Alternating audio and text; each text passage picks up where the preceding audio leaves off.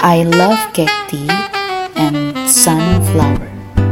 I like them for no reason.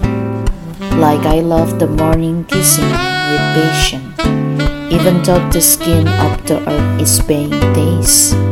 I feel the holy water flow through my veins and give confidence that is love is most real.